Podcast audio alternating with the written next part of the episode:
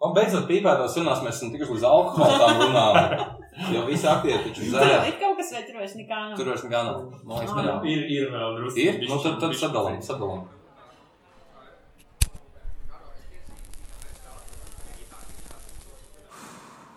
Johoho, bomži rādio ir apakaļ. Pīpētavas sarunas. Paliekam pie pīpētavas sarunām. Jā, trešā, trešā daļa.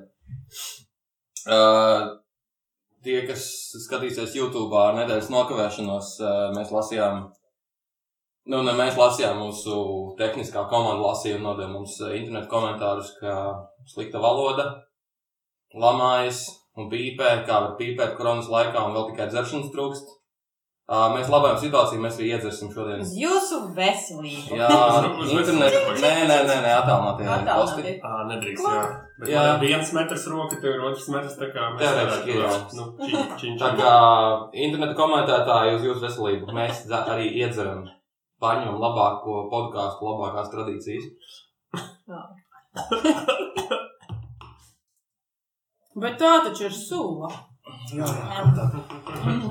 Uh, nu, ko? Uh, Esam atkal klāt. Un jā, vairāk mums ir atkal, atkal viesi. Jā, mēs dzeram īstenībā, tāpēc, ka mums ir garlaicīgi viesi šodien. Mēģinām atslābināties. Nu, es- Tad, nu, pirmajā reizē mēs zvanījām visiem aktieriem. Nu, aktieris kā tāds jau pats par sevi ir interesants. Pat gulošs. pat gulošs, jā, lasa tur telefonu grāmatas, un jau ir interesanti. Otrajā epizodē mums bija estētiski pievilcīgs un interesants cilvēks, kas par gods, un tagad mums ir vienkārši valžu locekļi, priekšstādētāji. Svarīgas personas. Jā, mēs esam ieaicinājuši uh, konkurējošā uzņēmuma valdes locekli Timuru Thompsonu. Uh, cilvēks no lielās oranžās mājas. Tā ir, jā. Tā kā, kā oficiāli. Liepais koncerts zāle lielais dzintars. Nu, re. Un Mhm. mūsu pašu evu ciekurs. Eva Ciekurzē, kas ir atņēmusi izrāžu vadītājiem kabinetu. Jā. Bet es plānoju viņu atdot atpakaļ. Aha! Mhm. Tas ir droši vien saistīts ar to banku. Štatu samazināšanu. Prāts, tu pesimists. Nē, nu, labdien! Labdien! Sveiki, Nu. sveiki. Kā jums iet? Bet es vakar mēs bišķiņ runājam par to, kā vispār varētu šo sarunu sākt un, un iekustināt. Man reāli šobrīd ir tiešām sasāpējies jautājums par to, kā vispār jūs dzīvojat, kā jūs jūtaties un vai ar jums viss ir kārtībā. Jo es godīgi atzīstos, man ir grūti. Pēdējā nedēļa man ir reāli grūta. Viss trakti paliek. Man arī viss. Tik daudz par teātra darbiniekiem, kā es domāju, kopš sākās krīzes iepriekš, nekad nebija domājis. Slikti. Nu, atkal tas ir labi. Vismaz kāds par mums Bet tas ir mums uzlabojums. domā? Ko tieši tu par mums domā? Tikai labu, tikai labu. Nē, bet tu kādā kontekstā? Kā izglābt to visu? Kā izglābt? Jā, Mēs kā esam, izglābt ā, cilvēkus. nu, Grimstoši Titaniks jau. Mēs neesam grimstoši titāniski. Nē? Nē, nē, nē, mēs tikai pagriežamies Bet no kā tad virzienā. glābt? No, no valsts lēmumiem. Nu, paga valsts jau arī mūs grib izglābt. Mm, Nē, Katrs nē, jau domā, nē, tā ir utopija. Tā ir utopija. Mums pašiem tikai sevi jāglāb. Okay. Es jūtos uh, dīvaini, uh, un droši vien būtu oficiāli jāsaka, ka ir uh, labi, mēs skatāmies uz priekšu, mēs plānojam uz priekšu, un gan jau viss būs labi. Un tā, bet ir viens brīdis, pienāk, kad tu nejūties ļoti labi, un tas ir tas brīdis, jāsaka. Jo, protams, nu, kopumā es laikam jau nodefinēju, ka tu velti savu dzīvi kaut kādai kultūras jomai vai mūzikas jomai, un tad vienkārši šis ir tāds puh, bedra iekļūst tavā, tavā vispār pašidentificēšanās. Un šobrīd, eh, kā, protams, eh, tu uztver šo jautājumu ļoti filozofiski. Nu, ir pienācis laiks, ir jāpaņem tie spēles noteikumi, bet eh, tas nav nemaz tik viegli.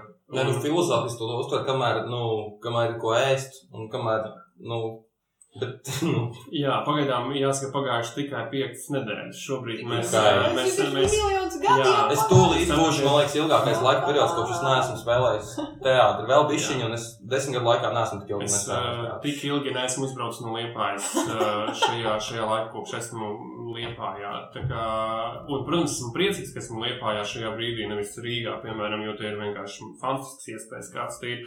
Bet, uh, jā, no otras puses, protams, mēs plānojam priekšu, mēs darbojamies kā uzņēmumam. Jā, mēs runājam ar pašvaldību, mūsu glābējiem šajā gadījumā, nevis valsts, un, uh, un, un domājam, kādas aktivitātes mēs varam realizēt. Un, protams, tā ir tāda pastāvīga režīms, kas ir tev, nu, viņš ir tevi vienmēr stāv līdzās. Tas nav viegli.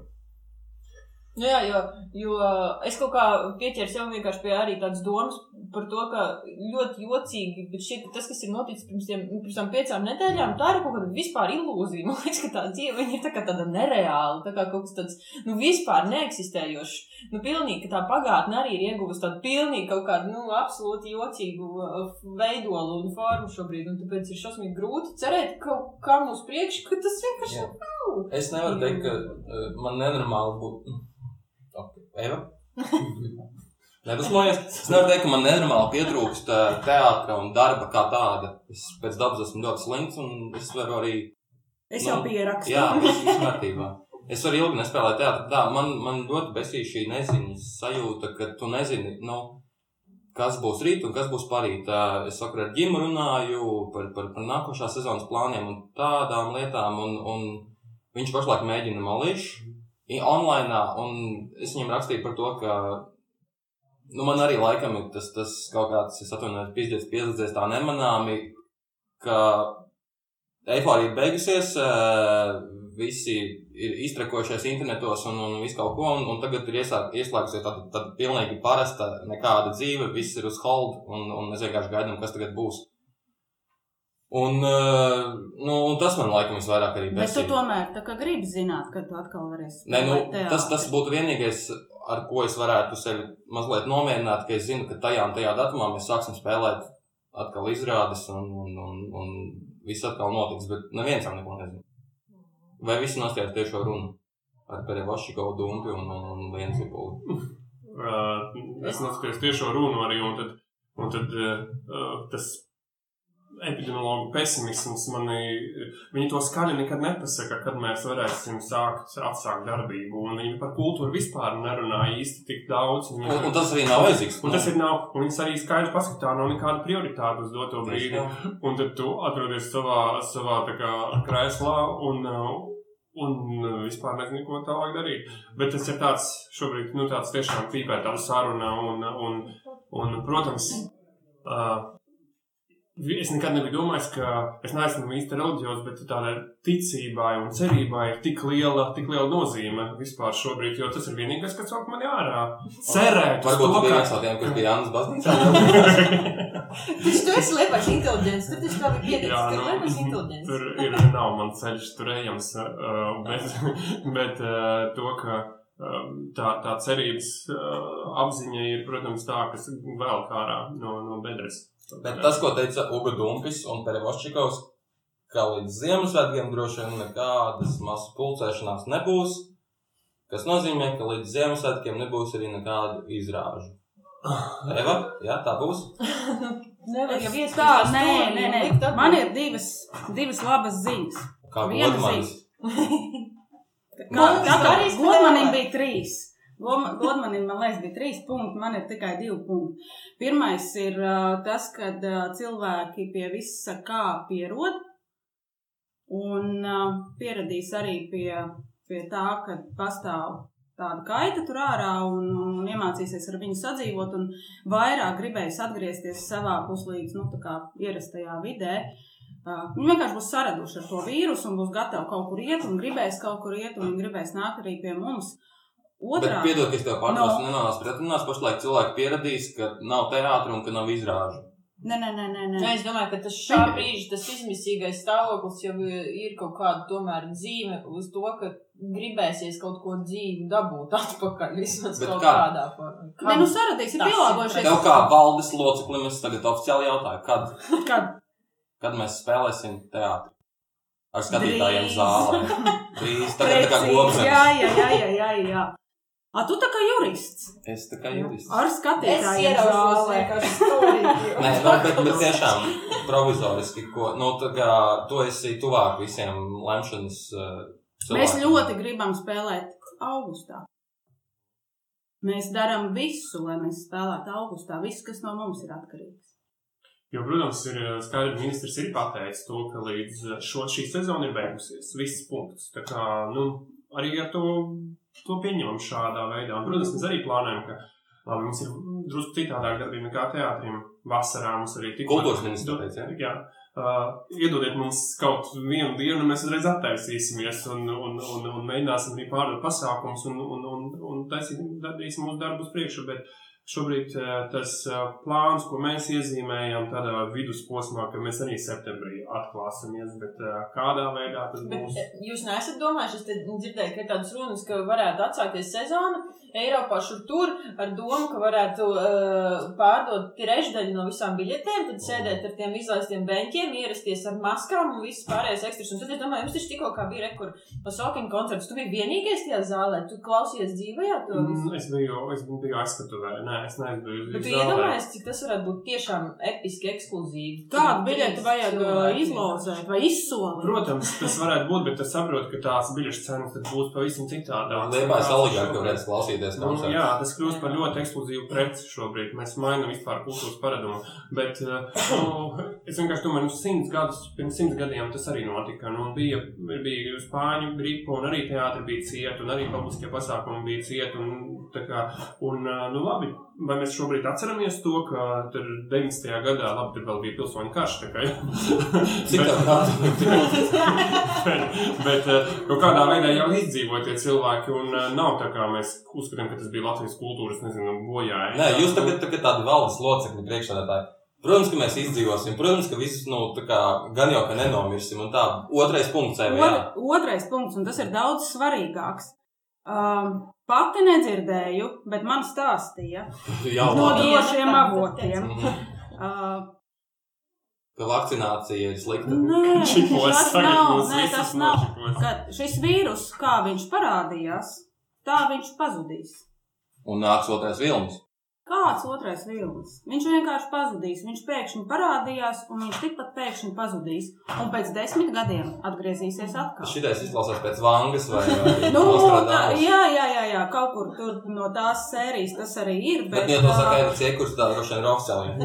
nu, principā, Jo, jā. valdes loceklis to vēl Nu, bet rekur tā ir tā cerība, par ko Timurs vienkārši runāja pirms tam, ka kaut kam tam ir jābūt. jā, un es tam ļoti stipri ticu. Un Labi. jo tu vairāk tam ticēsi, ja tu arī sāks tam ticēt, Jā, ticiet, un būs. Sadodamies, ā, Nē, šit- sadoties šitam, nedrīkst. šit- šitais nestrādā. Šitam es neticu līdz galam, jo ar ticību bieži vien nepietiek, piedodiet kristieši un pārējie, bet uh, mums vienkārši ir, nu, jārīkojas. Nu, es esmu Bet pesimists rīkošanās vienīgā veids, kā tu vari rīkoties, ir tupēt mājās. Nu, jā, tas ir jā. vienīga rīcība, lai pātrinātu tavu atgriešanos darbā. Nu, tas Jā, tā kā es to nebiju nodomājis to, ka vienkārši, nu, tad vienkārši trīs nedēļas visu nosēž mājās. Latvija ir slēgta. Tā Grenlandē. Jā, Grenlandē, bet tur nedarbojas, jo visi nevar nosēdēt mājās.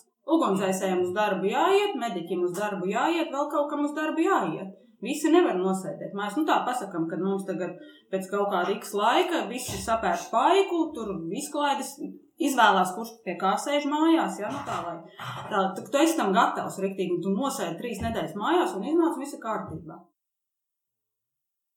Nu, Jā. teorētiski tam vajadzētu tā darboties. Man, man ļoti žēl visu to cilvēku, kas ir iepazinušies, uh, nezinu, Valentīna dienā un uh, Nu, bet man, piemēram, izstāsta Vai hormonu, hormonu vētras, kas viņiem iet pāri, viņi nes, vienkārši, nu, Vai arī vai nu jāievācās, vai nu, attālināt. Long distance relationship, tas ir Tas vienkārši ir tagad vārds, nu, manai sveciens manai mammai, ja viņa, piemēram, ir Latvijā un viņas vīrietis ir uh, Igaunijā, nu, viss, nu, piecas nedēļas jau, es domāju, ka tas ir šausmīgi, nu. Es varu piebraukt pie robežas un. Jā. Čau, čau. Uh, bet, uh, nu, labi, es tagad sagaidu no jums kaut kādu konkrētu, nu. Priekšnes. Saprotu, mēs Bez cerībām un tam līdzīgi. Tā kā, kā jums liekas, kad mēs varēsim spēlēt teātri, kad būs koncerts? Bet tu nekad nedzirdēsi no mums šādu, tu šo jautājumu uzdot epidemiologiem, nevis mums. Nu, Epidemiologiem neinteresē kultūra, koncerts un teātris. Viņi īstenībā, es domāju, ir diezgan tādā nu, aizrautīgā stāvoklī. Nu, tādā. Viņiem ir ko darīt. Viņiem ir reāli interesanti. Tas ir tā kā ar Tā ķirurģiju. ir viņas zvaigznes. Tieši tā. Ķirurģija ir strādā sarežģīts darbiņš, kaut kāds tas cilvēks taču spīd aiz laimes. Jā, tu iedomājies, tas uh, slimību profilakses un kontrolas centrs. Uga dumpis, viņš taču šobrīd ir vienkārši zvaigzne. Es viņš tiek objektificēts, Jā, jā, dā- dāmas ģības. Jā. Bet- Dāmas ģības. Viņš ir tā kā no CSI un visādiem. Es redzēju tēkļus Twitterī jau. Jau ir, jā. Jā, uguni. es domāju, ka mēs varētu laba doma bija. viesu lomu. Nu, jā, bet viņam arī droši vien piešķirs no Amerikāda ordeni arī. Es domāju, tas būtu Nu, jā, loģiski. jā. Bet, uh, tā kā, jā, gan jau, gan jau no tās krīzes arī izkļūsim kaut kādā veidā. ja jums to gribējāt dzirdēt. Un jau izkļūsim no krīzes. Labi, uh, ja neskļūsim, man uh, ienāca jautājumi. Es atkal savā kursa čatiņā pajautāju ļaudīm, saviem kursbiedriem, ko viņi gribētu pajautāt. Uh, te ir daudz un dažādi jautājumi. Piemēram, vai Eva tic ķirzak cilvēkiem? Es pat nepazīstu ķirzaku cilvēku. Protams, jau viņi labi maskējas. Bet uh, tā, jūs bišķi parunājat, atbildīšu tos jautājumus. Nu, ko jūs esat labi iemācījušies jaunu par šo laiku, ko? Arī, kā vispār ir lielajiem, Lietot zūmu. lielajiem nu, priekšniekiem? Nu, jums taču tomēr arī vispār darbs neapstājas, man liekas, nevienu brīdi vispār absolūti jūs raujaties, mums šķiet vēl vairāk pa mēmi, 2-9, visu laiku pārstrādājot no jauna plānus, kuri atkal nerealizējas, kuri atkal jāpārstrādā, kuri atkal nerealizējas. Mainamies! Man izstāsta, ka tu visu zini, kas jādara. Nu, nē. Ai, jā, jā, jā, tieši tā arī ir. Kad tu Rīt- no rīta, no rīta dzer kafiju, fiks uzzīmē kafijas biezumos. Jā, pēc tam tu, tu vēl kaut ko dari, tad tu vēl kaut ko uzzīmē. Nu, tāpēc, ka tā neziņa jau, nu, viņi ir visur, viņi ir tev, man visiem ir. Es atradu jautājumu. Jā. Nu, Uh, ja šī situācija turpinās, vai lielais cinters un teātris plāno darbinieku atlaišanu? Nu, pats Uh, vienkāršākais jautājums, ar ko sākt? Pirmkārt, uh, nu šobrīd, šobrīd tas ir jautājums. Pirmā Tas ir, tas ir jautājums, tas ir jautājums valdes priekšsēdētājiem. Šobrīd viņš ir nu, tāds, kāds viņš ir. Un mēs šobrīd runājam par mūsu priekšniecību, un priekšniecība ir, ir pašvaldība. Un mēs, mans uzstādījums ir tāds, ka kultūras nozarē mūsu lielākā vērtība ir, ir tieši cilvēks. Un uh, mēs darām visu iespējamo, lai šo nepieļautu. Tā kā mm, maniem citiem dažiem kolēģiem ir drusku citādāk pieeja, bet, protams, tas viss ir saistīts ar finansēm. Šobrīd mēs esam situācijā, ka uz doto brīdi mēs uh, to nedaram un neplānojam darīt. Tā kā uh, ir, protams, uh, jā, mums ir biļešu kontrolieri, vietu ierādītāji. Nu, tas ir uh, cilvēkiem, kas nav pamatdarbs. Šis tas ir tāds, viņi nāk, tāpēc viņiem patīk, vai viņi grib tādā veidā būt saistīti ar dzinturu. Un, un uh, viņiem mēs, mēs, neslēg, mēs, mēs ar viņiem taisīsim bezalgas aprunājumus, lūgsim viņus izņemt. Un uh, tādā solidarizējoties arī ar šo situāciju, jo mums vienkārši nav pasākuma. Un, uh, bet pagaidām mēs ar, ar vienu nerunājam par, šādu, uh, par šādām lietām. Vienīgais, protams, mēs mēģināsim vilkt šo, šo iespēju, jo, jo ilgāk, jo, jo labāk. Un, ja, protams, būs tā, ka valsts mums neatbalstīs, nu, tā kā jau šobrīd valsts stāv klusa. Un tā tad mēs vienkārši droši vien visi paši aiziesim uz uh, sociālajiem bezdarbniekiem, lai šo uzliktu uz valsts pleciem, beidzot šo atbildību, jo pagaidām tas tā nav. Bet, nu, svarīgi, protams, ir, man nav radošās trupas, kas ir drusku vieglāks, jo tev, Eva, ir, ir radošie cilvēki. Un, un tas ir, jā, jūs esat, jūs esat un kuriem ir drusku citādāks specifika nekā neradošiem cilvēkiem.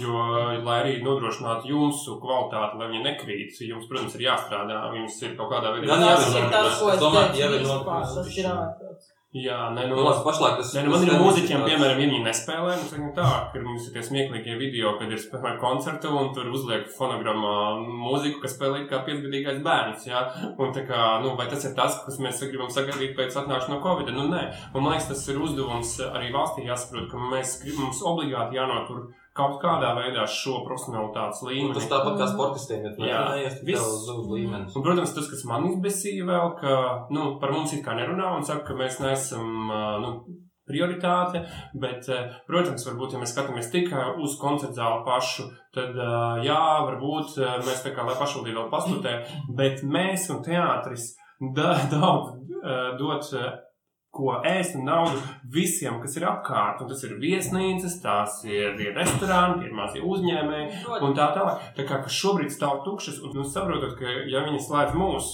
un nedod mums iespēju mums kaut kādā veidā izpausties, tas nu, tā jau, jau, jau liepājā, sevišķi liepājā, kur kultūra ir ārkārtīgi liela nozīme, nu, tam, man liekas, ir ļoti liela ietekme. Un tad ir, man nepatīk to, ka viņi nu, nedomā vēl šajā pusē, arī tāda finanšu ministrija neuzskata mums par nozari un par industriju savā ziņā, jo tas tiešām dod maizīti diezgan daudziem. Nu, Eva? ļoti. Es atkārtošu jautājumu. Es atceros jautājumu. Bet es atkārtošu klausītājiem. Atkārto. Vai Liepājas teātris plāno atlaist kādus darbiniekus, ja šis stāvoklis turpinās? To mēs redzēsim tad, kad tas stāvoklis turpināsies. Nu, labi, pieņemsim, ka turpinās, teiksim, pusgadu. Ja viņš turpinās pusgadu, zina, kā ir? Ir tā, ka vienā brīdī cilvēks pats sāks parēķināt, kas viņam ir izdevīgāk. Nu, kas nozīmē, ka mūs var uzlikt uz. Uh, Nē, ka jūs, nu, pat ne jūs, bet uh, kaut kādā daļā. Un, uh, ko, nu, tā, visas krīzes situācijas ir tādas, um, baigi vērtīgā lieta, ja, kad tu tā vari paskatīties uz to bildīt un saprast, nu, nu ka, kas varbūt sen bija jāatrisina. Bet vadītājiem tas vispār ir tāds, sevišķi jauniem vadītājiem, domāju par Juriju Žagaru, tas ir tāds ļoti, ļoti labs, ļoti labs laiks, piemēram, jo, piemēram, šis tā kā atnāca un tu krīzi Gandrīz pagājis. gan. Es tieši par šito par, par dēls teātru runājot, man kulāros ir izskanējušas ziņas, ka daļa dēls teātra aktieru jau ir ārstā palaisti. Mm. Es es kuri, bet domāju, tās ka tas- baumas ir. Ka tas ir zināmā mērā tomēr saistīts arī ar to, ka tam būtu bijis jānotiek jebkurā gadījumā. Ņemot vērā to, ka tur ir jauna, jauna Nu, priekšnicība. jā, tas slota ir tāds- slauka, Jā, jā. tas ir. Bet vienīgais tas ir tāds, nāk tiešām kāda izspēlēks, un, un to var arī tā paskatīties. Un, Labi, valdes locekļi. Nē, kā mums, mums teātrī galvenais, mēs vairāk šobrīd mēģinam izdomāt, ar ko nodarbināt savu cilvēku. Mm. Nekādā gadījumā nekāda atbrīvošana nav prioritāte vispār necik. Bet mēs ā, domājam, ar ko nodarbināt. Tāpēc jau arī visiem parādās visādas citas nodarbošanās, gan radošajiem, gan arī tehniskajiem. Nu, tad man ir nākošais līdzīgs jautājums, eh, kā Liepājas teātris un koncerts zāle domā eh, optimizēt savu darbību, ja šis turpinās. Ja mēs pieņemam, ka mēs neatlaižam cilvēkus, kā mēs optimizējamies. Es domāju, ka mēs jau esam optimizējušies. Visur ir izslēgta apkura. Pirmām kārtām, jā, ir augsts, jā, lai mums šeit būtu vispārībā, mēs stundu šeit varētu nosēdēt, eh, divas stundas iepriekš mēs ieslēdzām sildītāju, jo teātrī apkur ir atslēgti jau uji.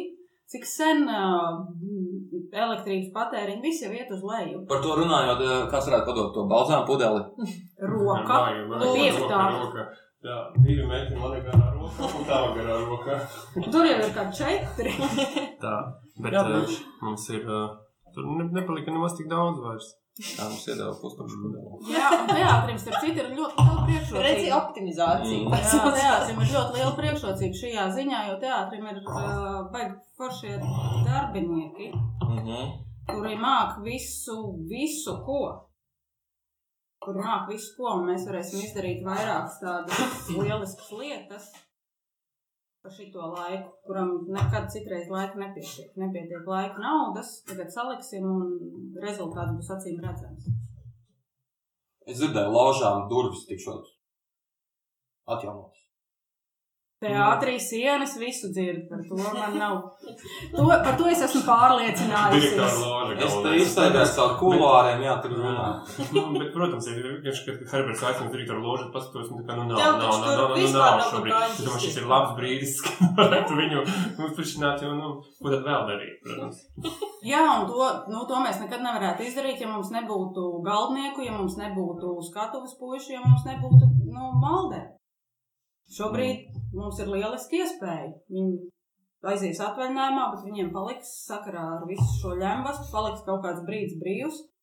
Un mēs arī tik foršu darbu Bet, izdarīsim. protams, es, es domāju, nu, cik mēs, eh, uh, ilgi vēl maldināsim sevi par uh, to, ka mēs, mums ir uh, tur jāadaptējas situācijai un tā un tā. Protams, mūsu mājas ir izveidotas dzīvajam izpildījumam, kuri ir daudz cilvēku iekšā. Mm. Protams, to, ka mēs jau mainīsim stratēģiju, mēs runāsim par kādām citām iespējām un tā un tā, bet tā būtība ir tāda, ka šeit ir jābūt dzīvēm izpildījumam. Teātris rodas tad, kad kāds skatās. Protams, Jā. nu, un uh, jā, mēs to darīsim, bet tas, protams, nekādā veidā nav ilgtermiņa risinājums. Ta, Tas ir- ta, tas ir viens no argumentiem, kāpēc man ir tāds bēsis un eksistenciāls pārdoms par tiem online mēģinājumiem tam līdzīgi. Tu nezini, kad būs pirmizrāde un nebūs pirmizrāde, tāpēc kļūst bezjēdzīgi. Tā sajūta ir, ka ir bezjēdzīgi mēģināt, jo, nu, teātris rodas tad, kad ir skatītājs, un, un ja nav skatītāji, un tu nezini, kad mēs to spēlēsim, tad uh, ir grūti atrast. Jā, bet tu droši vien gribi, ka tu atgriezies uz skatuves, tu gribi būt labs. Nu, tā, un, protams, man liekas, tā. praksa vienkārši, vai viņi ir kā sportistam, nu labi, viņš gatavojas olimpiskajām spēlēm, bet viņam ir jāgatavojas, jo citādi, ja viņš to neizdarīs, tad nebūs. Jo es, Es piemēram, es tiešām ticu, ka būtu iespēja arī uztaisīt kaut kādas konkrētas vai mono izrādes, vai nu, tāpat mm, taņas dzimšanas dienu un visi citi labie piemēri, kas tiešām tiek eh, šobrīd. Katrā vienā no manas žetons un cepums tiem visiem, kuri mēģina šobrīd to procesu mainīt, domājot tajā tiešsaistes kaut kādā uh, režīmā, bet ar, ar absolūtu pārliecību, ka pēc tam tas tomēr notiks klātienē normālā, uh, normālā teātrim atbilstošā formātā ar dzīvo publiku. Nu, Šajā, šajā kontekstā es gribēju uh, pasveicināt Nacionālo teātri. Šodien pamanīju, ka viņi ir uztaisījuši kaut ko, Jā. uh, kas saucās Septiņi kraukļi un salcerīte. Tur septiņi kraukļi ir uh, Nacionāla teātra aktieri un, un arī direktors. Un tad ir salcerīte, viņi laikam aicina katru reizi kādu citu salcerīti. Tad pirmā laikam būs uh, Ojās Rubenis. Tur interesanti izskatījās. Jā. Viņi to dara kopā ar elektrumu, tātad elektrība viņiem Droši vien, bet, bet kas ir, nu, droši vien ar Zuzānu, jā, nu, tā kā tas, laikam, viņam atkarīgi.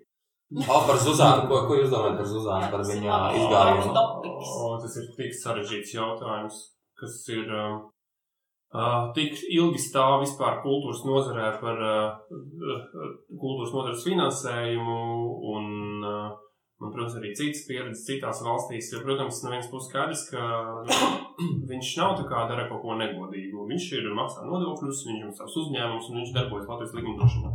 Šeit mēs varam runāt par ētiskumu jautājumu. Jā. Nu, Un. Un, ā, bet ā, tikko, ā, protams, Purvīša balva ir nu, tā kā māksliniekiem ir visspilgtākais piemērs, un kur ir faktiski ir divas nometnes. Viena nometne pasaka, ka viņi nekad mūžā negrib tur būt, jo viņi negrib tā kā tajā netīrajā naudā mm, būt. Bet, manuprāt, tas ir liekulīgi no vienas puses, jo labi, nu nedos viņš Purvīša balvā, teiksim tā, samaksās viņš to nodokļos. Tāpat mēs Latvijas, nu, No nodokļiem mēs dabūsim mazāk nekā no viņa. Nu, gandrīz vai tas ir tā kā tiešais maksājums. Un to, ka viņš tāpat maksās no nodokļiem, un kultūra ir finansēta no nodokļu maksātāja, nu jā, to, ka tas nebūs tik tieši vai netieši, nu tā kā tāpat tā nauda kaut kādā veidā atgriezīsies tur. Nu, man, Nu. man laikam vairāk nepatīk tas viņa es, Gājiens šādi. gājiens. Nu, viņš sevi, varbūt viņš par sevi pats nesauc par mecenātismu. Es neesmu tik dziļi tajā visā iedzinājies. Bet, ja viņš sevi sauc par mecenātu un šī tā izdara, tad nav forši. Ka viņš varētu būt mānījies. Nu, tad tas nu, mecenātisms kā tāds ir kaut kas bišķiņ cits. Jā, mecenātismam nevajadzētu pāri. Jā, tam vajadzētu būt nesautīgiem. Jā. Pāri. Jā, Pārējos viņš ir, viņš ir, viņš ir Pārējos izrā- izrādās pastāv arī pārējos mecenātus. Jā. Viņš ir apmeklējis arī dzintru pavisam nesen, tā kā mēs arī sasveicinājāmies ar viņu un tā, bet uh, uh, par to ēdiskumu, piemēram, interesanti, ka Zviedrijas rādio, kur es tur katru reizi arī, katru reizi gadā piebraukā viņiem palīdzēt nedaudz, kuriem arī ir, ir lieli kolektīvi un, un tā, viņiem, piemēram, valstiski ir nošķirts to, ka viņiem nedrīkst Zviedrijas rādio tik sponsorēts no privātiem uzņēmējiem, tāpēc, ka tas var rad, radīt uh, viņu kā publisks rādio, viņi negrib nekādā veidā būt ietekmētiem Mm. Uh, jebkādā veidā viņi būtu brīvi, un, protams, viņi to iespējami tikai tādu, kāda viņam ir atbilstošs uh, finansējums. Un, uh, un šobrīd, protams, jebkāds sponsors, jebkāds mecenāts kaut kādā Kaut veidā viņam savu mieri vai kaut ko viņam atdot, uh, atdot kaut kādā veidā. Un, uh, nu, jā, šāda ir nepieciešamība, nu, jā. Ne, nu, kultūras cilvēki vienmēr ir uh, bijuši. Bonžu radio, bonžu.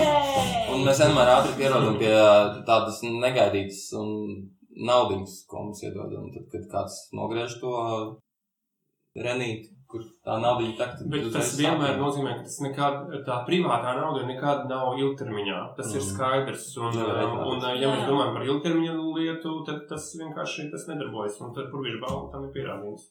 Vienā brīdī tam vajadzētu beigties. Uh, labi, ja nespēlēsim teātri un netaisīsim koncertus, ko tad darīsim? Individuāli vai? Ne. Man liekas, ka šobrīd mūzikas nozarē mums jātaisa ieraksti. Uh, Protams, lieliem kolektīviem nezinu, kā, kā Uga Dunkas pateiks, vai viņi drīkst tur atrasties vai nedrīkst tie cilvēki. Jo, piemēram, Zviedrija viņam joprojām var atrasties 50, 50 cilvēki uh, kopā. Jā, Viņam arī ir 170 cilvēki dienā. dienā. To es arī pasties, bet joprojām viņi par to tā kā ļoti lepojas, ka, piemēram, viņi to var darīt.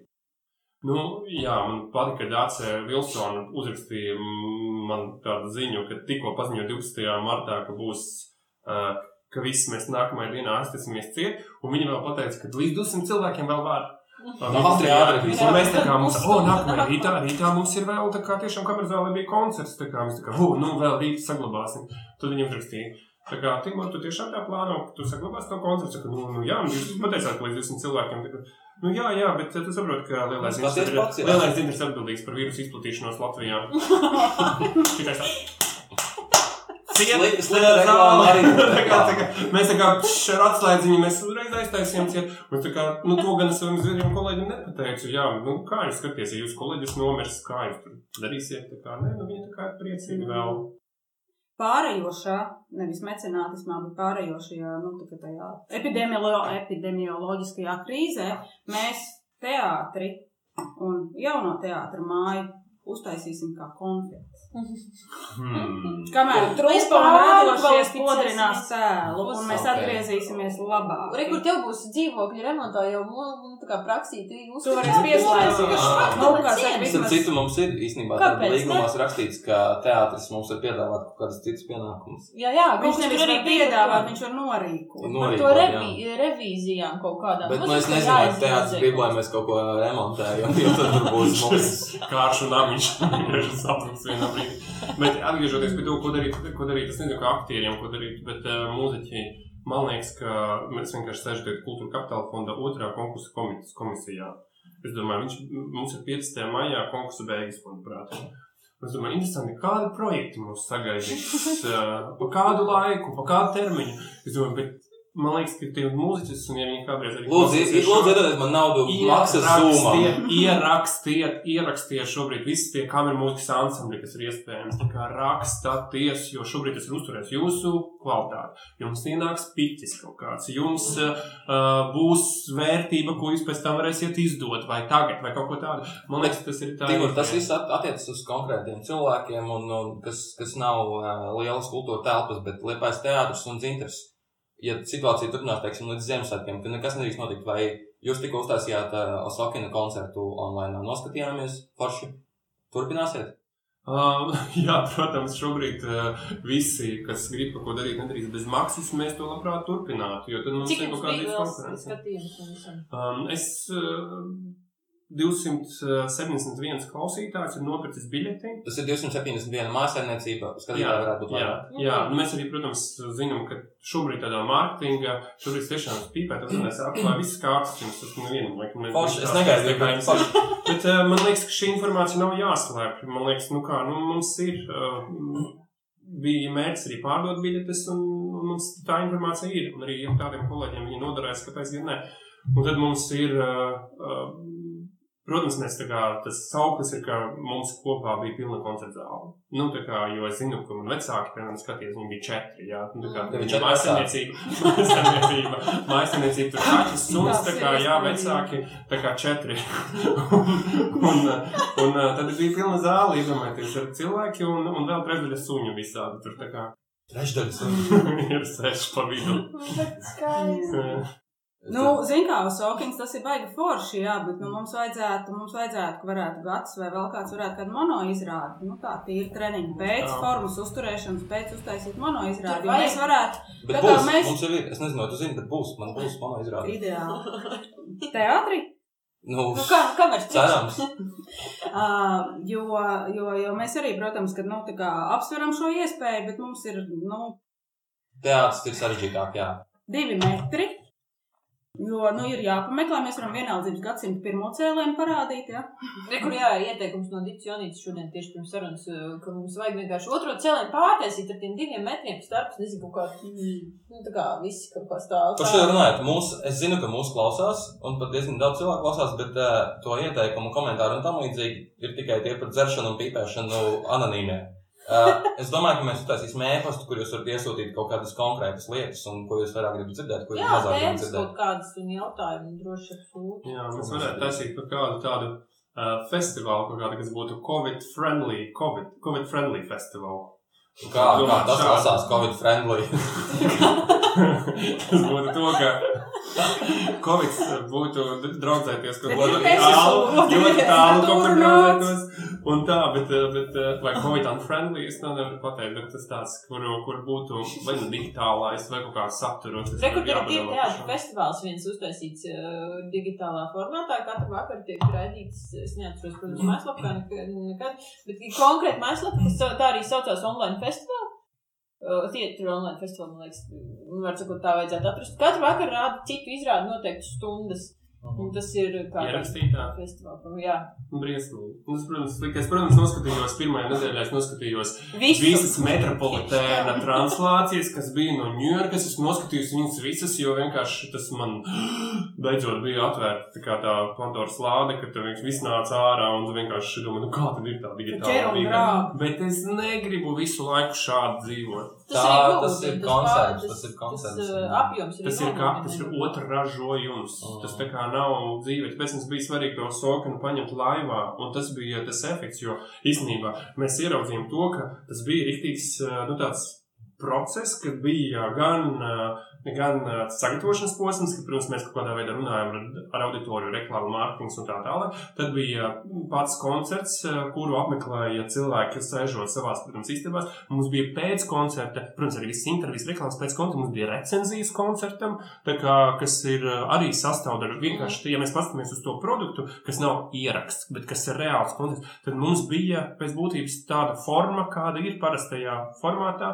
Un, uh, un, un uh, kas galvenais recenzija nebija nekādā veidā par to, ka vai tā bija digitālais koncerts vai nedigitālais. Tas bija, tā bija recenzija par, par reālo notikušo koncertu, par mākslinieckām kvalitātēm un tā.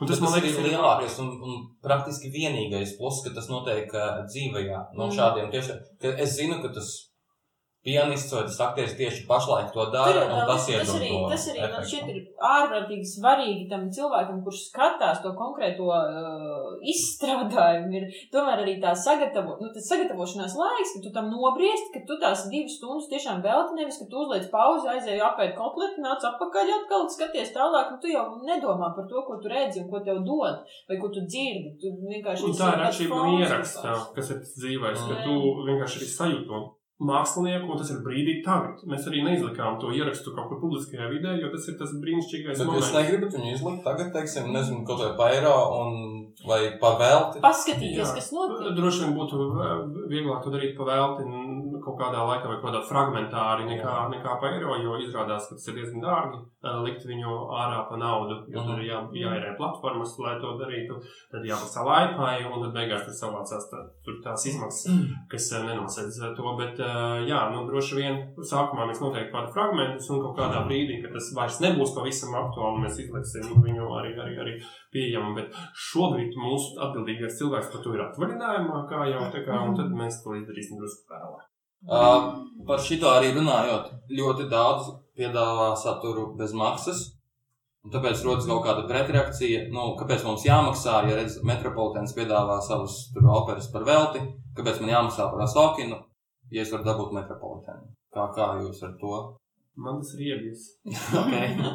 Ne, nu, uh, ir kultūra nedarbojas uh, šādā formātā. Nu, tā kā, mm, to, ka uh, tas ir bez maksas, nozīmē, ka kāds par to ir samaksājis. Jā. Un Drīzāk tā ir, tā ir šī nodokļu maksātāja nauda, kas vienkārši ir izgrūsta. Un, uh, nu, Nu, bet tāpēc, tāpēc tie, tie čakarē tirgu, kas pašlaik to dara pilnīgi par velti. Protams, es nevaru. Nu, es, mēs spēlējamies tikai ar mazo formu. Šobrīd ir vienīgā iespēja, kas nu, kāda mums ir. Latvijas rādio arī spēlēs, visu laiku spēlējās ar mazo formu, jo viņam vienkārši ir maza studija.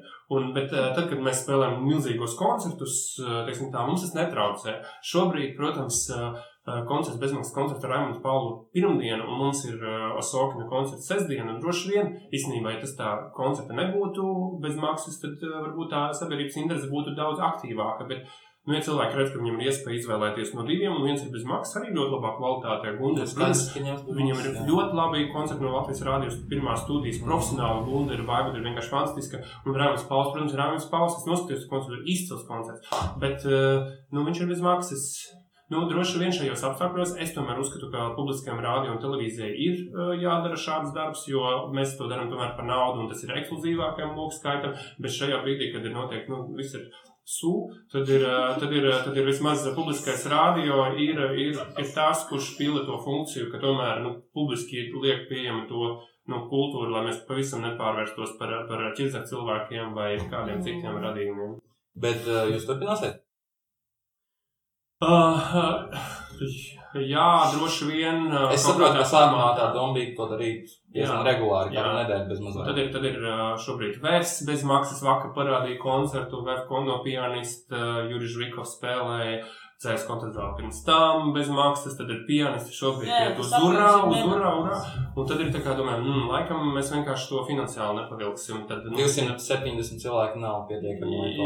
Nē, nu nē, nē, nē. Un tas, protams, bija lieldienu koncerts, mēs viņu noformējām citādāk, tad, un tas bija tāds pahs, tur, un reliģisko, arī, arī garīgais saturs bija iekšā, tas bija tāds notikums, un mēs to, nu, tā kā paveicām. Uh, es, uh, šobrīd mums notiks diskusijas par to, ja tas turpināsies ilgāk, vispār kādā veidā mums strateģiski šajā laikā izdzīvot, jo svarīgi ir, un ko jūs teātris ļoti labi darat, ar nepazaudēt saikni ar skatītāju. Jebkādā veidā, kā jūs to darat, vai tās ir pīpētās sarunas, vai tas ir lūgu lasīšana rietumu rādio, vai tas ir kaut kādās, nezinu, vēl citās formās. Tas ir jādara, jo citādi, iedomājieties, būs bedra, un vienkārši cilvēki, protams, nedzirdēs neko. Un tad tas, ir, tas ir arī, piemēram, par tām pašām pīpētām sarunām. Ir šausmīgi patīkami, ka uzrakst kāds un prasa, nu, kad būs nākamā saruna, un ka gribās, gribās atkal paklausīties, ko jūs tur nu, prātuļojat par to, kā būs spožajā nākotnē. Es strādāju teātrī desmit gadus, un es joprojām esmu, nu, tad, kad kāds mani kaut kur satiek, nu, tu esi tas aktieris. Viņi nezina manu vārdu, viņi īsti neko, bet viņi zina, tu esi tas aktieris.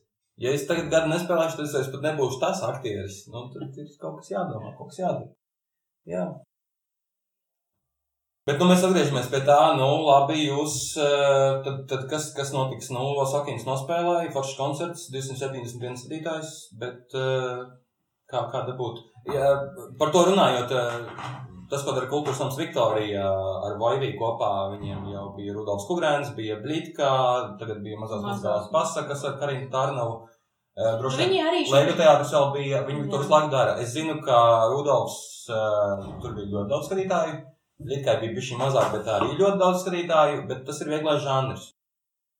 Nu, man jāsaka, ka tas ir teātris. Te es, es savā dzīvē saprotu, ka es rūpējos par mūzikas jomu. Man teātris var atbalstīt nopērkot biļeti, bet um, to, ko viņi dara, ir teātra formas. Un, uh, un arī, arī tagad viņam būs uh, muzikālās pasakas, kas pēc būtības arī ir teātrālā forma, kas nav tā kā akadēmiski klasiskā, klasiskā mūzika, kas ir prasa nedaudz citu, citu mm, specifiku.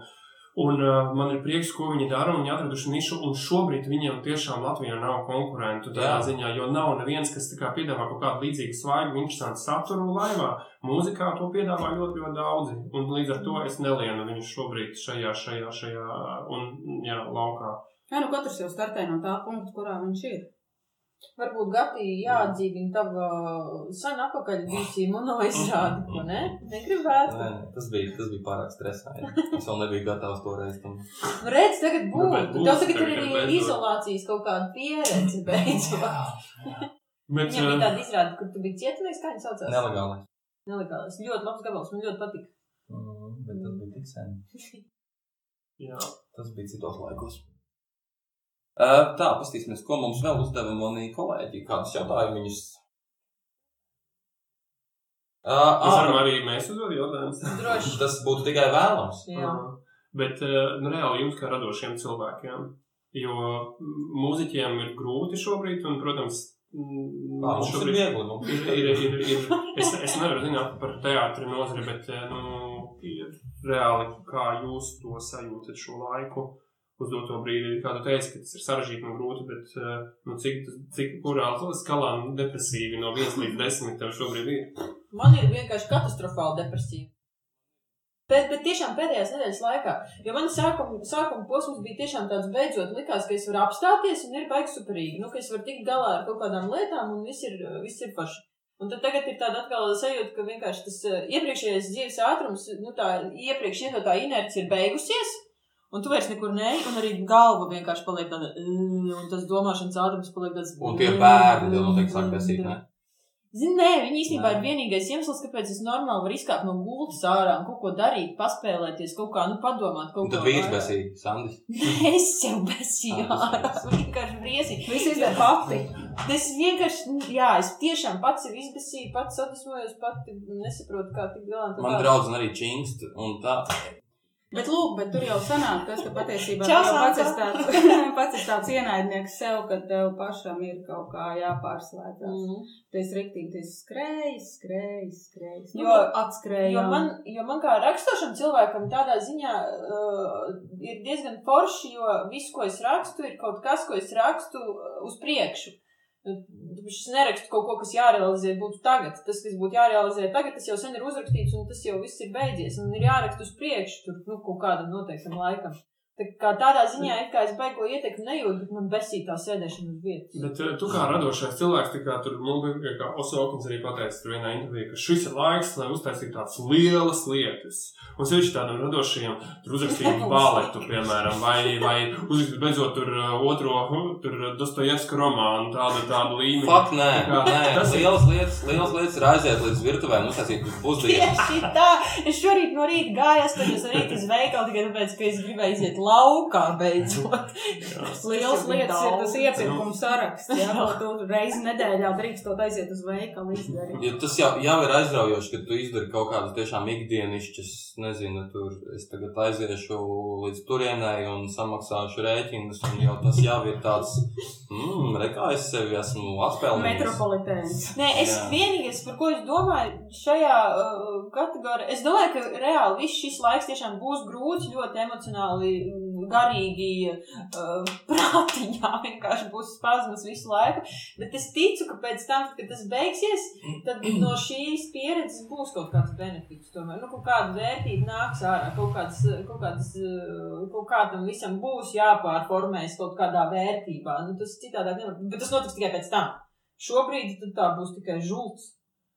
Šausmas. Kā, kas, kas, kas notiek ar ā, tā saucamo teātra kvartālu? Mēs neko ne īsti nezinām, kas, kas Kā? Nezinu, rekur jau pirmie teica, mēs te tagad to Nu, jā, bet, bet tā lieta Latvijas banka sēka, tā ir mums tagad.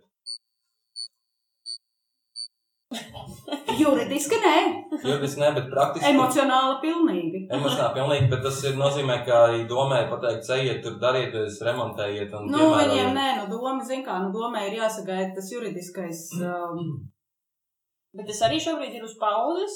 nē, Tas ir Nē, process notiek, tur mums būs mazā zāle. jā. A, tā, Timūri, mums vairs nevajag tādu mazo zāli. Mhm, tas nebūs šogad. Tāpat ir slikti. Visi šogad aiziet nomnieki, visi visi krīt un rūp. Jūs vēl aiziesiet ar vispār, tā kā es varu. Ar šogad vispār kaut kas būs, jā. Tu man to jautā. Bet, Viņš nu, tā. jautāja, man es jautāju tev. Bet tā, pa Jautāju punktiem. Pāri ielai mums te ir Latvijas bankas filiāla, kuru vairs nav Latvijas bankas filiāla. gribi zināt, par ko es sapņoju, jā, tad, kad es. Jā, Ar nu, varējām acīm. Tieši tā. Jā. Tā tā cerība. Tā tā cerība. Jā, jā Apbēdina principā Timuru. tieši tā. Nu, principā tie, es nedomāju, ka es viņu apēdinu. Es domāju, ka viņš būs priecīgs. Ko viņi darīs tajā eksperimentālajā zālē? Eksperimentēs. Ne, pagaidi, bet Viņi kāds var fiziķus tur ielaist, taču Mhm. ko, kas ir, kas labāk. Zinātnieks gal galā, lai strādā, lai Man meklē, ļoti patīk, ka ir jābūt man- gataviem. Man ļoti patīk, ka jūs pie manis, protams, es tā kā, es pašvaldībai, es pašvaldībai, klusām sa- saku, tā kā, tā kā, mm, tā kā, to. Nē, nu, protams, tas ir vienīgs plus, ka ir, ir tā ir radošā telpa, kur arī skola, jums ir studenti, ir, kuriem viņam tā ir darba telpa. Protams, man ir prieks, ka es varu aizslēgt 5. stāvā kabinetu un 6. stāvā uziet eh, vakarā uz izrādi. Tas ir ļoti ērti. Tāpēc es man te Nav vajadzēs iet, tie metra. 300 metri vajadzēs iet. Jā, jā, tā kā viss, viss notiek. Un, un, un, un, protams, man pēc tam būs jādomā, ko darīt ar to mazo, mazo zāli. Ja tas Tur notiek. kaut izdomā. noliktavu uztaisīt. Bet kā tādā bankas mājā, kā tur ir ar telpām? Tas nozīmē, ka iekšā viss ir jāpārbūvē. Nē, nē, tur īstenībā ir ļoti labi. Patiesībā, ja tur tā kā saka, mm, tā plašāk uz to visu lietu pastāst, tur viss ir baigi ok. Tur ir kaut kāda piemērota mazā zāle teātrim. Cik, cik vietas tur ir? Nu, tur nedaudz būs jāpagraujās, jā, Jā. bet es saprotu, ka tev pieredze ir. Mēs varam. Graudu Būs, mierīgi. jā, viss kārtībā. Galvenais, ka tu trenējies. Nu, tur būs bijis jāpastrādā. Tur nav viss gatavs. Tur nav viss gatavs. Protams, tur nav gatavs ir tikai noliktavs pagrabā, bet, bet telpas ir tiešām ļoti piemērotas. Vismaz tajā šob, uz sitiena sadaļā nepasliktinām spēles apstākļus, uzlabojam visus pārējos apstākļus un uh, ir arī perspektīvā plāns, kā uzlabot mazās zāles spēles apstākļus. un Cik cilvēkiem tur būs vieta? Uh, esošajā risinājumā visticamākais, ka tas būs līdzīgs kā ir tagad mazā zālē. Tikai tuvāk un viņš taisnāk. Plus mīnus. Bet tad tas būs tā kā tāds jā, kā kvadrāts. Un tur būs arī teātris. kaitīgi. Es, es priecājos, Es gribētu, es gribētu. Nē, nē, Tāds es, es, es, personīgi, es personīgi pilnībā uzskatu, ka Liepājas teātrim ir jāliek visas kārtas kopā, ir jāliek visi žanri kopā un ir jāstrādā ar dzīvo mākslu teātris kopā. Vis, uz visām auditorijām, un tam ir jābūt vienotam konceptam, tam ir jābūt vienotā menedžmentā. Uh, tas, Sveiciens tas ir, uh, Matīsam Budovskim. Budovskim. Es domāju, ka viņam ļoti patīk tas, ko tu šobrīd saki. Nē, viņš tajā vienā reizē, viņš, viņš mums Šekspīrā bija leļu meistars. Jā. Viņš, Varbūt es varu tevi bankrotēt, un tad mēs varam ņemt Matīs. Jā, Nu, re, nu, re, jā, un, uh, jo, jo mums bija vēl tā lieliskā iespēja nu pat, nu pat paviesoties uh, Čehijā, Dienvidu Nu, pat nu pat. Pastāst, kā to var izdarīt. Janvārī. Nu, pat nu pat. janvārī, bet tā kā mēs tur ieraudzījām, a, kas tas ir uz mūžības fona, bet tā kā mēs tur ieraudzījām ķīnieti, mēs jau tā aizdomīgi uz viņu skatījāmies, bet lūk, tur bija vairāki stāsti, bet viņiem teātris vispār sastāv gan no orķestra, gan no baleta, gan no lēlēm, gan no dramatiskā teātra. Nu, mēs tā kā tik plaši varbūt negribētu ņemt to lietu, bet, bet tās divas, divas stāstā pieminētās pēdējās daļas, kas liepā, jā, sauc pēc kopīgas koncepcijas un darbības, un šobrīd tā māja varētu iedot tādu beigu labo pamatu tam visam. Nu, jā, es pilnīgi droši varu teikt, ka tā ir mana pārliecība, un, un, un tāpēc es esmu cīnījusies gan par to māju, un es varu arī cīnīties tālāk par šo ideju. Un kad mēs varētu to. tur sākt? Kad būs pirmā pirmizrāde? Tas viss ir atkarīgs no tā Covid-a. Mhm. Finansējuma, jā. ne? Tas jau saistīts Tas- šobrīd. Zini, ja visu laiku likās, ka tas viss ir atkarīgs no finansējuma, tad tagad tu saproti, ka ar finansējumu tev ir viens stipri pa īsu. Tas viss ir atkarīgs no tā drāņa, bet, um, mm, jā, nu vai viņš ilgāk vai mazāk, vai mēs paši strādāsim, Bet, kā tu nu, kad, kad man jau jāplāno budžeta vai nākamā gada budžetā man jāplāno, ka es Ko nesu. tu tagad vispār vari budžetā plānot? Mēs jums atstājam divatā. Šorīt notiek kautiņš, un tad, nu, jā. Nevar divi metri. jā. Kauties Sorry. nevar normāli. Nevar normāli izturēt, nevar normāli pūki izmest. ne?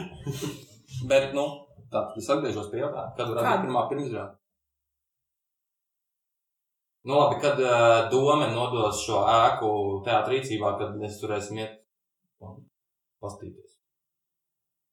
Pastīties, pastīties. Es domāju, ka mēs nu, tur ir vajag atsaucīgie cilvēki. Varbūt, kad nav tagad atkal tas covid, jā, tad mēs tur varbūt tāpēc nevaram. Ja atkal viņš, jā, tā kā viņš tā kā aizvāksies, tad mēs varam tur tikt jebkurā laikā.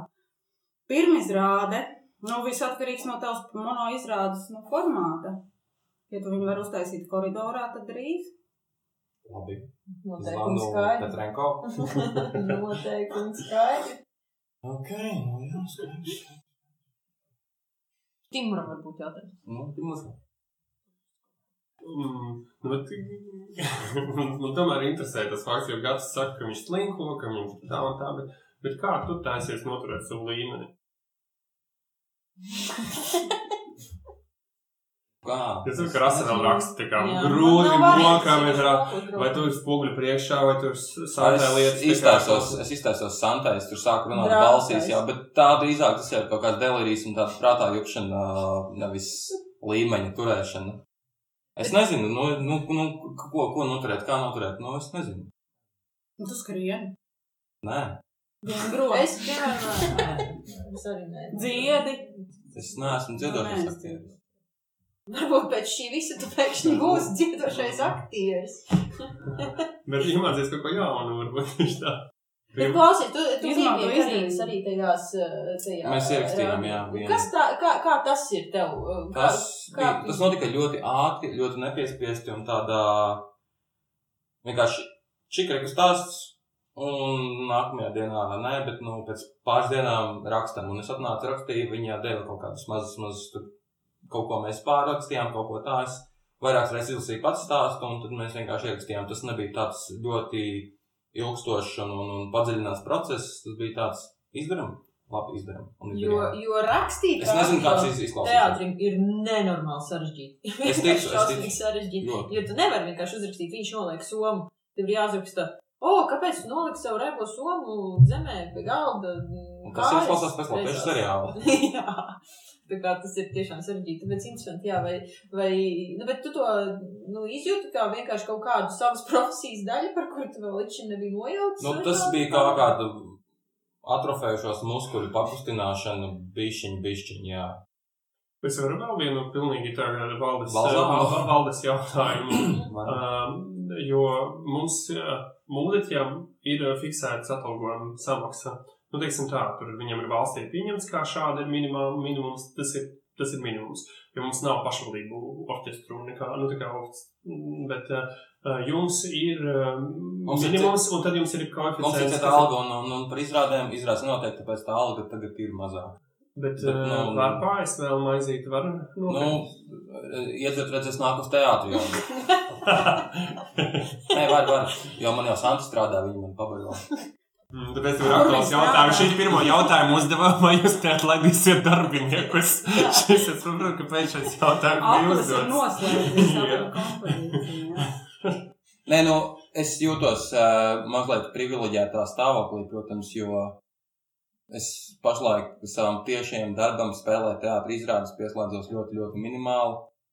Nu, mums atnāca ēpasts no, no, no caur valdes locekļiem, no, no, no citiem darbiniekiem par to, ka mēs pašlaik esam nodarbināti mārketinga aktivitātēs un logo analīzē. Nu, es izlasīju tos bankovskas stāstus, tas ir teorētiski. Tu esi skaitās. šeit šobrīd? Es esmu šeit, es nodarbojos ar mārketinga aktivitātēm. Tu noteikti ļoti ilgi gatavoji šīs sarunai, nu vismaz tā, trīs Protams, dienas. protams, jā, es jūs googlēju, skatījos, kas jūs tādi. Bildes. Bet vai, man liekas, ir tāds, ka uh, Un šobrīd. viena jautājuma. Nē, es visu atradu internetā, viss, viss tur viss ir. Šobrīd ir um, bieži vien, es nezinu, vismaz mūsu nozarē ir tāda, ka ir tāda nedaudz kauna sajūta, ka tā kā, ah, bet mums taču, nu, nav ko darīt. mēs Jā, es, jūtos kā jā. liekēdis, jā, Nē. bišķiņā. Bet, uh, manuprāt, man liekas, ir jāaizmirst šo, šo sajūtu. Un uh, nav, tā nav kultūras nozares vaina. Uh, mēs esam visi augstu līmeņu profesionāļi. Mēs esam labi aktieri, labi dramaturgi, labi valdes locekļi. Un, uh, un pēc būtības, uh, nu, man liekas, ka uh, tomēr tas ir tas arguments, kāpēc ja tas turpinās ilgāk. Tomēr nu, valstī ir tomēr jānāk kaut kādā veidā mums, mums uh, palīdzēt. Jo mm, dzirdot to, ka šobrīd nāks, sāks, sāksies kultūras darbinieku atlaišana, nu, tas man liekas, ir absolūti absurds uh, lēmums. Uh, jo... Nu, tas ir tāds īstermiņa lēmums, jo sagraut, lai ietaupītu bišķiņu, ir ļoti vienkārši, pēc tam to visu uzbūvēt no jauna būs daudz grūtāk. Jā, tā kā es cen, mēs mēģinām to nedarīt nekādā, nekādā brīdī. Tas ir uh, slikti. Un arī atbrīvoties no tās kauna sajūtas. Ne, un, ja tiešām varbūt kādam šobrīd tā slodze nepildās tik, cik parastajā ikdienā, nu vienkārši tā tas ir. Nu, bet to, Nekas viņš pēc tam viss atstrādās. Tur Tas ir kā absolūti. Sezona sāksies ā, augustā, labākajā iespējamā gadījumā. Un ar uh, iekavētām pirmizrādēm tad uh, mēs te dabūsim Un trūkties. tieši tā varbūt kā tā kultūras nodara strādāja līdz šim.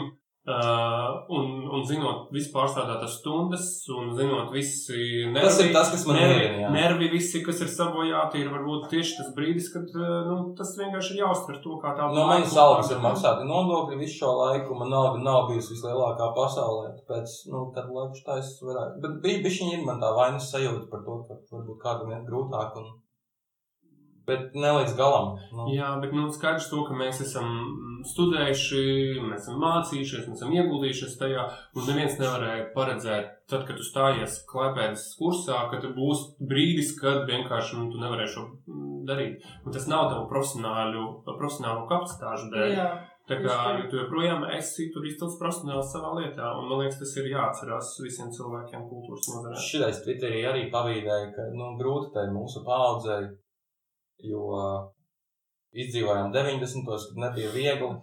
Uh, 2005. tur 10. gadu sākām studēt, sākās krīze. Atkal nav viegli. Tad par, par vēdra tiesu strādājām desmit gadus. Nu, nu pat jau, nu pat jau, tūlīt jau paliks jau pieņemami, jau viss, nu, un atkal. nu, Varbūt vienkārši. Ja, nu, to, ko, ja gribētu to miljonu, tad varbūt vajadzētu profesiju izvēlēties, protams. Eh, Bet, eh, nu, vismaz noturēt mūsu kvalitātes un līmeni un skaidrs to, ka mēs izvēlējamies visu šīs strādāt kultūras jomā, tāpēc, ka mēs vienkārši tam ticam. Un tas ir tāda misijas apziņa. Un, protams, ka tā misija šobrīd ir drusku ir iekritusi nedaudz un saprast, kur, kur ir tās vērtības, kuras mēs Bet man šķiet, ka nē, viņi tev vienkārši piedāvā jaunas apstākļus, kuros tev ir jāizdomā, kā to savu misiju pildīt. tā Nē, es, es neticu tam. Es vairs neticu tam. Es būšu tas koncerts, kurš domās, ka nu, vienīgais ir, ir var, varētu pāriet digitāli un tā, bet tas ir Nu, vienkārši man, manī sev pašam. Ja mums ir infrastruktūra, mums ir infrastruktūra, kas ir domāta. Simt cilvēki ir uz skatuves, kur ir klausās tūkstoši cilvēku zālē. Un, uh, un pāriet uh, citā formā, nu, nē, nu, tad nevajadzētu būvēt šo zāli. Nu, tad būtu Rīgā viena studija, Nē, kurā akurāt, ierakstīt es, es nevienā, es galīgi, es pat uh, galīgi neatbalstu. Man liekas, ka uh, visa dzīvā māksla, dzīvā māksla, viņa savādāk nevar pastāvēt. Cilvēks viņu savādāk vispār nevar uztvert. Nu, ne, nu, tas, tas viņš vienkārši nedarbojās. Viņš neaiznes to, jo, jo tas vienalga teātris, koncerts vai vēl kaut kas. Viņš ir par to emociju, kur tu vari nodot tikai tad, ja tu vari pieiet tuvāk pa diviem metriem. Nu, Un arī ka Viņš mēs, interesanti, ka mēs taisījām to Sofina koncertu, ka tas nekad nebija doma to, ka mēs mēģinām atražot uh, to koncertu sajūtu. Es lūdzu Andriu, lai neiedomājas paklanīties tukšajā zālē, ka viņš vienkārši aizmirst par to. Kā, nu nē, un tad ir. Tas ir tur ļoti- Viņš ir- paklanījās? Nē, nepaklanījās. Viņš gribēja. Droši vien, ka- ir jā. Bet, uh, bet uh, un tas arī veidojas, arī, tas ir cits žanrs pēc būtības, kurā mēs sākam strādāt. Tas ir kaut kas cits, jā, labi, tas ir labi izmēģināt, bet tas nav tas pats. Tā kā mm, izdomāt tur jaunas izaicinājumus, to, kas mums ir jāizdara, ka saku, ne, ne, ne, nepabeigt to komunikāciju ar mūsu klausītāju. Mums viņa ir ārkārtīgi svarīga. Un, un to pagaidām mēs mēģinām darīt. Mm -hmm. Ja man būs iespēja ražot vēl jaunu saturu, tas būtu ģeniāli. Es domāju, ka mēs, tas būs viss izcili. Okay. Šī laika, uh, vēl viens jautājums. Šī laika zelta maliņa tam visam, sudraba maliņa. Kas, kas ir tas labais? Kas... Mēs jau tam esam mazliet pieskāršies, un tā, bet, bet kas ir tas, kas mūs pašlaik var iedvesmot? Tas viss slikti. Ko tu gribi? Kāda zelta maliņa vai ne? Jā. Es kaut kādā mērā laikam ceru uz to, ka šī visa uh, iespējā es spēšu sev noformulēt, kas ir tas, kas uh, tiešām manā darbā man sagādā lielāko gandarījumu. Nu, kaut kā izjūt cauri, un caur to, ka tiešām šobrīd esmu viena pati ar savu darbu visu laiku pamatā, un ka man tas palīdzēs vairāk izkristalizēt. varbūt Varētu padomāt, ka tu visu laiku biji ar visiem baigi kopā. Nu jā! Sēdi pie sava datora un raksti. Beidz jokoties, es visu laiku kaut kur skrēju, skrēju, skrēju, tagad es nekur neskrienu. Benzīns lētāks palīdzis, bet nav jau kur braukt. Var braukt riņķi apkārt pat. Nē, Nu. sausais atlikums notiek, ka sausais atlikums ir zelta maliņa. Nu, tā pārskatīšana, revidēšana, tas ložas durvis. Ložas durvis, kas savs. Oh, es sānu jau, ka ņem no krāsas durvīm. Tas ir tāds nāves darbs. muguras Tas sāp un ir šausmīgi ir. skaisti. Ir. Mēs tagad uh, paņēmām konteineru un vienkārši metam ārā visu. Tas ir, tas ir tik ļoti jā, nu, tā kā atbrīvojoši. Mums tur viss garāžs, šķūņi, visādi. Labi, labi, bet kā tas izstāsta, ka visi tie konteineri satiekās? Mēs, Mm. mēs ar Santu iztīrījām višķiņu drēbiskapu un no to kā vēl paņemsām kaut kādas lietas. Nu, un tas Arī tā bija laba sajūta. Jā, tā ir ļoti labi sajūta. Atbrīvot višķiņu to kaut kādu. Man pagaidām, protams, ir viens, ir, ir baigās ilgas pēc uh, dzīvā izpildījuma un pēc vienkārši koncerta sajūtas vai teātra izrādes. Un, uh, es, es droši vien, kad jūs sakat, mēs mēģinām labāk izprast paši sevi šajā laikā. mm, Un, uh, Man it kā nav bijis tas skrējiens, un, un man bija daudz sapņu šogad, ko izdarīt. Un, un, protams, tas viss nenotiek, un man drusku jāpārvērtē sevi. Tas droši vien arī tāds filtrs, kur mēs uh, lietojam uz doto brīdi. Um, un uh, minimizēt visas savas vajadzības un nepieciešamības, un ko nozīmē tagad šajos apstākļos sevi padarīt kaut kādā veidā laimīgu. Baigi filozofēt šobrīd, bet, protams, to, ka man ir svarīgi no rīta pamosties ar 6.30 un aiziet uz pārku sporta nodarbību, man ir svarīgi, un tas man ir patīkami uzvilkt, uzgludināt kreklu no rīta, ja pat man neviens nesatiek šajā dienā, uzvilkt, un uh, izrādās man tas ļoti patīk, un, uh, un mēģināt kaut kādā veidā saturēt sevi vienkārši balansā kaut kādā, uh, bet tas ir, tas ir grūti, un es domāju, ka es vispār. Nu jā, režīms jāizstrādā, lai noturētos. Es veselā katru dienu cenšos izstrādāt sev režīmu. Man ir režīms tāds, ka es nu jau vēju trijos naktī gulēt. Nē, es jau kā- 11. Tu kā 11. Nu, es arī viens tas, bet tev ir vēl tie, tie divi bērni, kas, kas tevi droši vien arī, nu, Mēs ar cenšamies viņiem. celties pirms viņiem, lai būtu bišķi tā rīta sajūta, nevis vienkārši, ka tev uzreiz pie Bet, elektrības. un tu kā tajos visos tur webināros par attālināto darbu, tur rakstīji sev, sev uh, darbu uzdevumus, kas tev šodien jāizdara no rīta, tā kā pa punktiņiem, tas uh, ir debīli, bet tas tevi savāc kaut kādā brīdī. Un, protams, pagaidām tu sevi saturi kopā. Nu, un uh, es apsolīju to, ka es nedzeru vienas vakarā, jo es vienkārši tas ir sliktāk pazīstams. kā tad tu to dari? Tikai kaut kādā ar, ar cilvēkiem, ar, ar mani kaimiņu, ar kuriem es uh, vēl tiekos. sienu. Ar, ar gandrīz vai tiek, tiekos, jo mēs uzskatām sevi par vienu maisaimniecību. Un, Jo jums ir viens ārdums. Nu, tā. Teiksim tā, mēs esam viena siena, viens žoks īstenībā, mums ar viņiem ir. Un, uh, bet, nu, un līdz ar to tas ir, uh, nu, turam, turam sevi kopā. Grūti. Bet, Nu, uh, mēs, mēs māsēmniecībā esam sapratuši, ka esmu iemācījies iedzert viens jau. Un beidzot, pīpētās runās mēs esam tikuši līdz alkoholam runām. Jo visi aktieri taču Tur dzēr. ir kaut kas, vai tur vairs nekā nav. Tur vairs nekā nav. Man liekas, nav. Ir, ir vēl drusku. Ir? Nu, tad, tad sadalām, sadalām. Nu, bet tūlīt jau beigsies. Nē, nu, nu, tad arī- Tur to būs mums atkal attālinātais čiņčiņ, vispār rekursu Roka. Roka, paldies. Vēl mēs spēlējam prātu spēles, kas, ko es iesaku darīt visiem. Ir Rīgas prātu spēles, notiek katru, katru, principā, katru dienu. Tu piesakies, 5 eiro samaksā, un tad mēs tur komandās spēlējam. Tas, tas ir tāds, tu vismaz redzi savus draugus, un kopā jūs darat kaut kādu lietu. Un, Es, mēs esam nospēlējuši dzimšanas dienu, uh, nu, nospēlējuši, bet uh, esam nosvinējuši dzimšanas dienu zūmā. tas noteikti bija skumji. Tas, tas, nu, es man jāsaka tā, es aizgāju gulēt trijos naktī, es biju no rīta un biju paģeris, un, un sākām astoņos vakarā, tā kā tas bija septiņas, astoņas stundas Ar, un garas. cik ilgi jums gāja līdz kamēr ballīti iegriezās? Uh, tur viss ir iegriezās, jo bija jau konkursi sataisīti online, izrādījās, tas to var izdarīt diezgan spēles. Tur Tas ir Icebreaking spēles. 21. gadsimts tās nekas neparasts. Jā.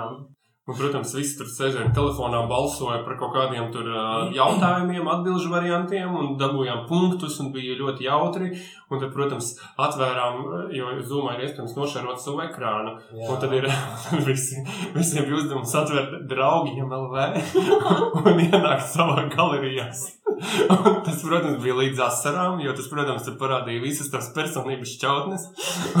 Un, tas gāja līdz trijiem naktī, kad vairāki vienkārši jau gulēja uz dīvāna, un viņiem vairs tā kā redzēja tikai viņas sejas. balīti vienkārši. Kāds ir aplūzis un kāds jau draugos. Un... Bet tā sajūta bija tiešām pirmo reizi, kad nu, es esmu Lietpājā un mēs nevaram nu, satikties ar daudziem draugiem. Un viņš arī no San Francisco bija pieslēdzies, un viņš saka, ka ar 12. pa dienu. Viņš saka, es beidzot varu ar jums būt vienā ballītē. Jā, un piecos vakarā pabeidza, bet viņš jau bija izstādījā savā. Es domāju, šis bija mans sajūta, kas no rīta pamodos, man liekas, jā, un bija rīktīgi forši ballīte. un arī, un visi pamodās savās gultās, kas labi. Tas ir pat, kur arī tā zelta baliņa. Zelta baliņa. Ok, nu labi, ja mēs esam ā, tikuši o, jau stundu un pat pāri. Jā. Nu, ko, pie mums bija ā, valdes locekļi un priekšsādātāji Timurs Tomsons no Lielās oranžās mājas, Lielais Zinters un Eva Ciekurza no Liepājas teātra. Un mēs esam Liepājas teātra pīpētā. Un mēs esam beidzot atgriezušies pirmo reizi Liepājas teātra pīpētavā. Tā, Uz šīs jaukās nots arī beigsim. Tā, kas mums jāpasaka? Būs ēpasts. Būs ēpas, mēs uztaisīsim ēpas, droši vien pipatavas sarunas at gmail.com. Izklausās nepieklājīgi. Kā Jā, katram pēc mēs. līmeņa. Uh, vēl mēs droši vien būsim pēc šīs epizodes arī iTunes.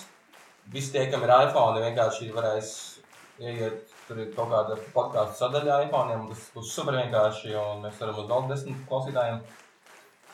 Un, uh, nu jā, tas arī tā viss. Ja jums ir idejas eh, par ko un ar ko mums eh, tikties un parunāt ceturtajā pļāpāšanas reizē, tad eh, dodiet ziņu. Droši. Un uh, Bomžu radio beidz savu pārādi. Ā, tā. Čau! Tā.